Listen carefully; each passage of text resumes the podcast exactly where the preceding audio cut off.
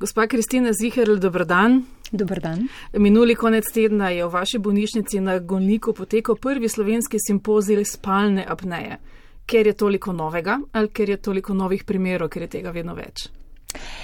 Tega ni tako uh, vedno več, je pa dejansko to zelo pogosta bolezen, ki se premalo zavedamo in premalo pozornosti posvečamo.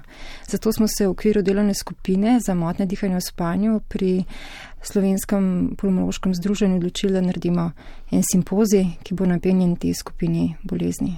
Meni je seveda prva asociacija smrčanje, ampak apneja seveda ni samo smrčanje ali pa morda sploh, sploh ni. Smrčanje je najbolj pogost simptom, zaradi katerega bolniki obiščajo zdravnika, um, obiščajo našo ambulanto za motne spanja. Seveda pa je smrčanje samo simptom moten dihanja v spanju. Praviloma mora imeti bolnik še tudi druge težave. Ne? Lahko nekdo samo smrči, pa nima moten dihanja v spanju. Kako pa potem vem, da jih imam? Kako, kako vemo, da se je smrčanju pridružila tudi tako imenovana apneja? Smrčanje opazijo drugi in ti drugi, ki opazijo smrčanje, pa potem opazijo tudi, da med smrčanjem nehamo dihati.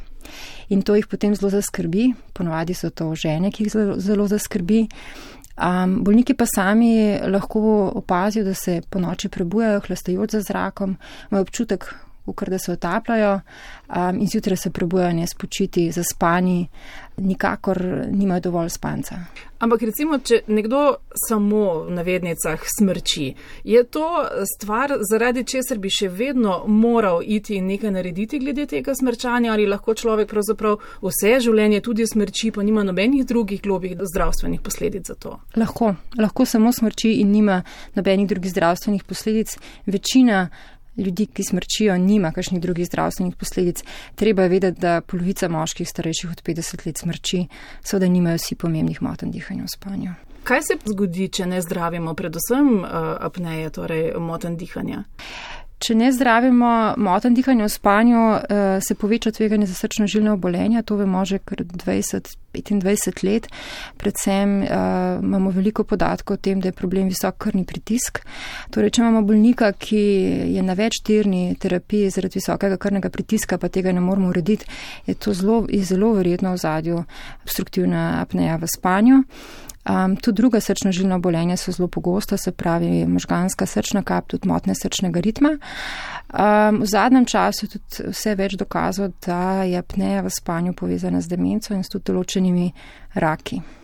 Eh, gospa Kristina Zihelj, vodja laboratorija za motne dihanja v spanju Univerzitetni klinike za pljučne bolezni in alergijo na Golniku, ko k vam pridajo ljudje, torej ko so že bili pri svojem zdravniku in jih je ta poslal naprej, najbrž imajo za seboj že tudi kar nekaj poskusov, da bi sami eh, se lotili tega smrčanja oziroma apnej. A kakšne stvari iz domače lekarne, predvsem pa iz spleta, predvsem pa iz neštete čudodelne ponudbe eh, v trgovinah, v resnici deluje? Ne, Zares ne. Zares je pravzaprav uh, treba upraviti uh, ORL pregled, treba pogledati, aj kakšna težava v nosu, uh, pa treba se vprašati, če je res samo smrčanje problem ali, kot sem rekla, so tudi motne dihanje v spanju v ozadju pa lahko to, te motnje dihanja, kako sami diagnosticiramo, ne vem, se lahko posnamemo, lahko damo ja, dežurnega v posteljo. Zdaj, dan današnji obstaja že precej aplikacij, ki omogočajo, da se na mobitelu posnamemo in potem bolniki zares pridejo in rečejo, na pa pogledajte, boste slišali, kako smrčim. Uh, to je z mojega stališča val hecno, ker jaz to vsak dan poslušam. Uh, Um, obstajajo te aplikacije, so do določene mere zanesljive in seveda, če se nekdo posname, da smrči, potem zagotovo smrči. Uh, in tudi, kar se eh, samih apnej tiče, uh, jih zaznajo, seveda pa to niso metode, ki bi bile validirane, na katere bi se lahko zanesli in potem postavili diagnozo moten dihanja v spanju. Na kaj se recimo potem ljudje, ki nimajo teh težav, kot ste rekli, da se zbujajo, utrujeni, da skratka vidijo, da je telesno nekaj narobe, naj oprejo? Ob kakšnih znakih pa naj pridajo potem tudi na pregled k vam? če pride do pojava kakšne od bolezni, ki bi bile lahko s tem povezana. Ne. Tukaj je spet eh, v prvi vrsti srčno-žilno obolenja. Um, če se pojavi visok krvni tlak, predvsem če je krvni tlak visok v nočnem ali pa jutranjem času, um, vsekakor je prav, da kardiologi pomislijo na to možnost, kadar imajo bolnika, ki ima srčno popuščanje, ki preboli možgansko ali pa srčno kap, um, kadar so motne srčnega ritma. V teh primerjih je treba res pomisliti na motne dihanje v spanju, tudi če bolnik sam nima nobenih drugih težav oziroma simptomov. Kako potem vi lahko pomagate tako čistim smrčačem, kot seveda tistim, ki imajo pridružene apneje? Uh, izbira zdravljenja oziroma kako jim pomagamo je odvisno od tega, za kakšen tip apneje gre. Eh, za kakšno težo apneje gre, ali gre za neke blage motne dihanja v spanju, ki jih mogoče lahko tudi ne zdravimo, pa samo opazujemo, ali gre pa za neke hude motne dihanja v spanju, ko bolniki nehajo dihati 30 krat, 60 krat na uro. Od tega, kaj si bolnik želi in kaj je pri bolniku mogoče. Zdravljenje prve izbire za teže motne dihanja v spanju je terapija s pozitivnim zračnim tlakom, To je aparat, ki preko maske pihuje zrak pod določenim tlakom, dihalna pota in drži žrelo lepo odprto. In s tem aparatom se tudi lepo stabilizira smrčanje. Je pa res, da ta terapija je lahko tudi naporna in za določene bolnike um, ne pride v poštev po domače povedano, zaradi tega, ker ne tolerirajo ni ga zdravljenja na tem svetu, ki bi ga vsi ljudje dobro prenašali, eh, ki bi bilo za, za vse eh, v redu, tudi aspirin ne potreben je čas in potrebna je potrpežljivost strani bolnika, da se navadi.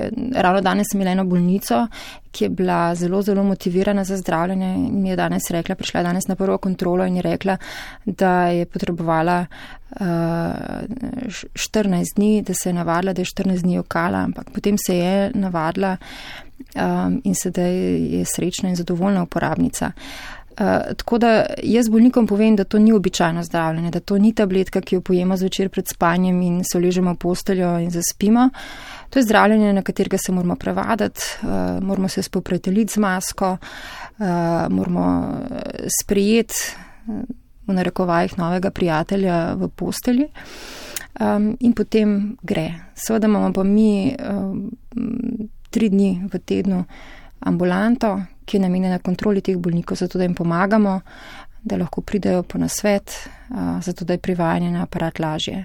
Ampak aparat je pravzaprav, če razumem, vendarle neka višja stopnja. Kaj vse še poskusite pred tem sploh, če ne gre za hude zastoje oziroma hudo smrčanje? E, možno je izdelava spalne opornice, to je pripomoček, ki ga vstavimo v usta in pomakne spodno čeljust malo naprej, s tem se žrelni prostor zade razširi. In pri, predvsem pri mlajših in pri bolj suhih bolnikih lahko s to spalno opornico lepo stabiliziramo dihanje med spanjem. Kot zadnja možnost pride upoštev tudi kirurški posegi v žrelu in v obraznih kosteh. Uh, za slednje se nekoliko teže odločamo, ker je dokazov učinkovitosti manj kot recimo pri uh, tem aparatu uh, s pozitivnim zračnim tlakom. Seveda pa, ker so naši bolniki pogosto prekomerno prehranjeni, svetujemo hujšanje, kar je pa pogosto zelo učinkovita terapija. Problem je edin v tem, da je skušati tukaj težko. In ohraniti težo tudi. Tako. E, ta opornica, ki ste jo omenili, je to nekaj, kar lahko kupimo v trgovini ali mora biti narejeno po človeku, mora biti prilagojena? Lahko se kupi v trgovini oziroma preko spleta, ampak so te opornice praviloma manj učinkovite. Veliko bolje se obnesejo, veliko boljše rezultate dajo po meri narejene spalne opornice. Kako je pa mogoče priti do njih? Je to nekaj, kar krije zavarovalnica ali to šteje bolj za luksus? Eh, krije zavarovalnica eno na dve leti, če je učinkovita, če dokažemo, da uspešno odpravi prekinitve dihanja v spanju. Kako dostopni so pa aparati? Aparati so v celoti kriti eh, strani zarovalnice. Če ostaneva še nekoliko pri smrčanju, eh, če se mi znebimo na kakršen koli način, pa tudi če morda deluje res tista teniška žogica prišita v hrbet pižame ali pa zdvignjeno vzglavje, eh, a s tem, ko se znebimo smrčanja, zagotovo se znebimo tudi apneje oziroma moten dihanja. Je tukaj povezava, da s tem, ko smo eh, nekako rešili smrčanje, smo varni tudi pred temi zastoji dihanja? To je odvisno od tega, za kakšne prekinitve dihanja v spanju gre. Če gre za obstruktivno apnejo v spanju, potem uh, je to zelo verjetno. Če gre pa za centralne apneje v spanju, pa ne. Pri centralnih apnejah v spanju pa bolniki ne smrčijo nujno. Uh, Poleg tega eh, je možno tudi, oziroma relativno pogosto se dogaja, da bolniki zaradi smrčanja pridejo k urolo specialistom, ki opravijo, eh, opravijo operacijo mehkega neba. S tem se seveda smrčanje zmanjša, na prekinitve dihanja v spanju pa ta operativni poseg nima posebnega učinka. V tem primeru bo bolnik sicer eh, nehal smrčati, bo imel pa še vedno prekinitve dihanja v spanju. Zato je tudi pravilo oziroma naj bi se vsakega bolnika, pri katerem uh, želimo kirurško zdraviti smrčanje, uh, prej diagnosticiralo oziroma bi se upravljalo diagnostiko moten dihanja v spanju, zato da ne zgrešimo nekoga, ki bi morda imel zraven moten dihanja v spanju. Nekaj časa so bile zelo popularne tudi operacije oziroma posegi z laserjem. Kakšni so dolgoročni učinki? Je vredno vse poskusiti? Učinki so praviloma kratko do srednjeročni. Smrčanje se zelo pogosto nazaj povrne. Poskusiti, če gre samo za smrčanje in če smo dokazali, da bolnik moten dihanja v spanju nima ob tem, je smiselno. Um, vkolikor pa ima pridružene motne dihanja v spanju, je pa treba te v prvi vrsti zdraviti in nasloviti, ker zaradi smrčanja se bolniku samemu ne bo nič hudega zgodilo. Smrčanje samo po sebi ne nosi nobenih zdravstvenih posledic, je moteče za partnerje, ampak ni nobeni dokazov, da bi smrčanje samo povzročalo neka druga obolenja. Če ima pa bolnik zraven, še motne dihanje v spanju, pa to pomeni tveganje za druga obolenja. Zato treba biti precej previden, ko se odločamo za operativni poseg. In še na eno tveganje opozarjate, morda motiv tudi za tiste, ki živijo sami in nimajo koga motiti za svojim smrčanjem in, in z dihalnimi težavami, um, prometne nesreče. Vse pogosteje se ugotavlja, da je menda kar petina vseh prometnih nesreč naj bi bila posledica zaspanosti, ki prihajajo tudi ne, iz moten dihanja. Ja, ti dokazi so zdaj eh, že precej trdni, da je obstruktivna spalna apneja in z njo povezana prekomerna zaspanost eh, pomemben dejavnik tveganja za uspavanje za volanom. Zaradi tega eh, sedaj že tretje leto moramo presajati voznike na motne dihanja v spanju. Eh, je pa res to povezano najverjetneje z sama pogostnostjo obstruktivne spalne apneje. Dejansko je tako, da 14% eh, moških in 5% odraslih žensk ima obstruktivno apnejo v spanju, ki bi bilo, bilo potrebno zdraviti. Seveda večina je tudi, teh je tudi, so tudi vozniki, ne, tako da kar en velik odstotek voznikov ima to bolezen in posledično so tudi zaspani.